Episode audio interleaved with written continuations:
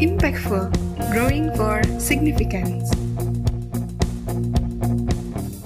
Halo sahabat pemimpin di mana pun Anda berada. Kembali bersama dengan saya Sunjo Yesu dalam program Impactful, Growing for Significance. Kita akan bahas satu topik yang sangat menarik. Topik kelima dari lima topik yang totalnya empat sudah kita bahas pada inspirasi sebelumnya. Finances is the key business success factor. Saya akan mengawali dengan satu pernyataan yang pernah dinyatakan oleh George Washington. Beliau katakan, to contract new debt is not the way to pay old ones. Untuk mengontrak utang-utang baru itu bukan cara baik untuk menutupi utang-utang yang lama. Seperti menggali lubang, tutup lubang. Artinya apa? Artinya utang yang kita buat atau kita pinjam dari orang lain perlu kita gunakan dengan lebih efektif supaya bisa memberikan hasil yang baik. Dan cilakanya adalah banyak orang menggali lubang dan menutup lubang yang ada sebelumnya. Dan ini sangat berbahaya. Kita berbicara tentang lima faktor sukses dalam bisnis yang diambil dari buku Bugs Lorimore. Ini adalah a powerful system for total business success yang dilakukan melalui satu studi panjang lebih dari 20 tahun, melakukan telaah, menganalisis lebih dari 100 buku-buku top selling. Dan yang menarik adalah di antara buku-buku itu terdapat juga banyak professional articles and practical experience dari banyak klien yang berbeda-beda, berbagai industri dan akhirnya mereka menetapkan terdapat lima kunci besar yang sungguh-sungguh menjadi faktor sukses bisnis. Kita sudah belajar tentang strategic focus untuk kunci yang pertama, yang kedua adalah people, yang ketiga bicara operation, yang keempat bicara marketing, dan hari ini kita bahas yang terakhir, yaitu finances. Ketika kita bicara tentang finances, setidaknya ada 10 kiat yang kita akan bahas yang difokuskan kepada aset, fasilitas-fasilitas, dan peralatan-peralatan. Jadi ketika kita bicara tentang uang, tidak hanya bicara tentang cash, kita juga bicara tentang aset, tentang fasilitas, kita juga bicara tentang peralatan-peralatan yang dibutuhkan oleh perusahaan dan orang-orang yang bekerja bersama dengan kita. Tips pertama, competitive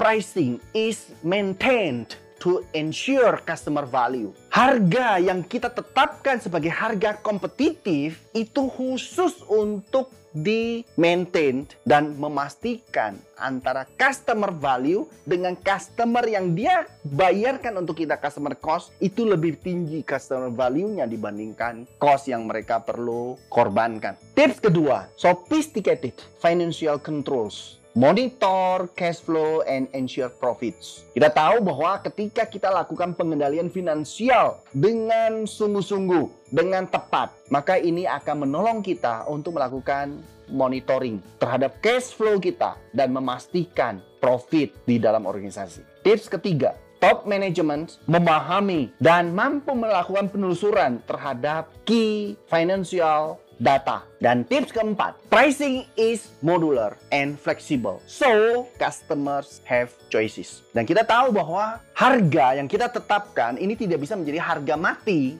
yang kita tidak mau berubah karena market itu terus bergeser dan terus bergerak. Oleh sebab itu kita juga perlu menetapkan harga yang fleksibel karena customer memiliki pilihan-pilihan kepada siapa mereka akan membeli barang dan jasa kita. Tips kelima, the real cost of products and services are known so real profits are achieved. Nah, ini menarik. Cost yang nyata itu terhadap produk dan layanan itu biasa diketahui. Selanjutnya dikatakan bahwa the real profits are achieved. Dan itu harus dicapai, real profitnya. Tidak bisa hanya berdasarkan ekspektasi dan target yang kita ingin capai. Yang keenam, setiap karyawan perlu memahami tentang dampak kinerja setiap mereka terhadap profit dari organisasi. Seberapa besar sih apa yang mereka lakukan ini berdampak pada profit? Banyak sekali pekerja tidak begitu peduli seberapa besar profit yang diterima oleh sebuah organisasi. Mereka hanya tahu tentang gaji mereka saja. Dan ini harus kita rombak, kita harus ubah. Dampak aktivitas pekerja mereka terhadap profit secara keseluruhan dari perusahaan. Yang ketujuh, financial rewards itu harus selaras dengan hasil Artinya, ketika kita memberikan reward terhadap seorang karyawan atau satu tim atau satu unit kerja tertentu, maka harus juga diselaraskan dengan hasil yang dicapai. Bukan hanya berapa lama mereka bekerja dengan kita. Senioritas itu tidak menggambarkan financial reward yang dikaitkan dengan hasil. Yang kedelapan, pendapatan dan penerimaan yang memadai itu akan dapat menyeimbangkan siklus perekonomian. Artinya apa? Kadang-kadang perekonomian itu bisa naik, bisa turun, maka pendapatan yang memadai itu akan mampu mempertahankan siklus keseimbangan ekonomi ini. Yang kesembilan, fasilitas dan berbagai peralatan yang memadai dibutuhkan untuk melakukan pekerjaan dan memastikan pekerjaan itu dapat dilakukan dengan baik dengan support dan bantuan peralatan dan fasilitas dari perusahaan. Sehingga investasi dibutuhkan di sini.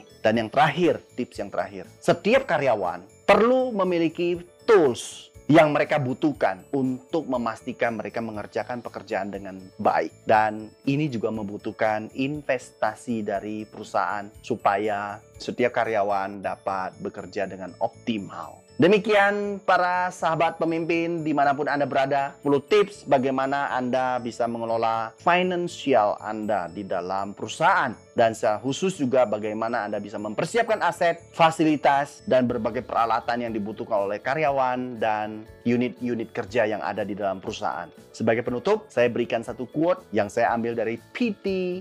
Barnum. Beliau katakan bahwa money is a terrible master, but an excellent servant. Uang ini adalah tuan yang sangat buruk, tetapi menjadi pelayan yang luar biasa ketika kita bisa gunakan dengan baik. Semoga inspirasi saya menolong Anda untuk terus bertumbuh dan berkembang. Tetap bersama dengan saya dalam program Impactful, Growing for Significance.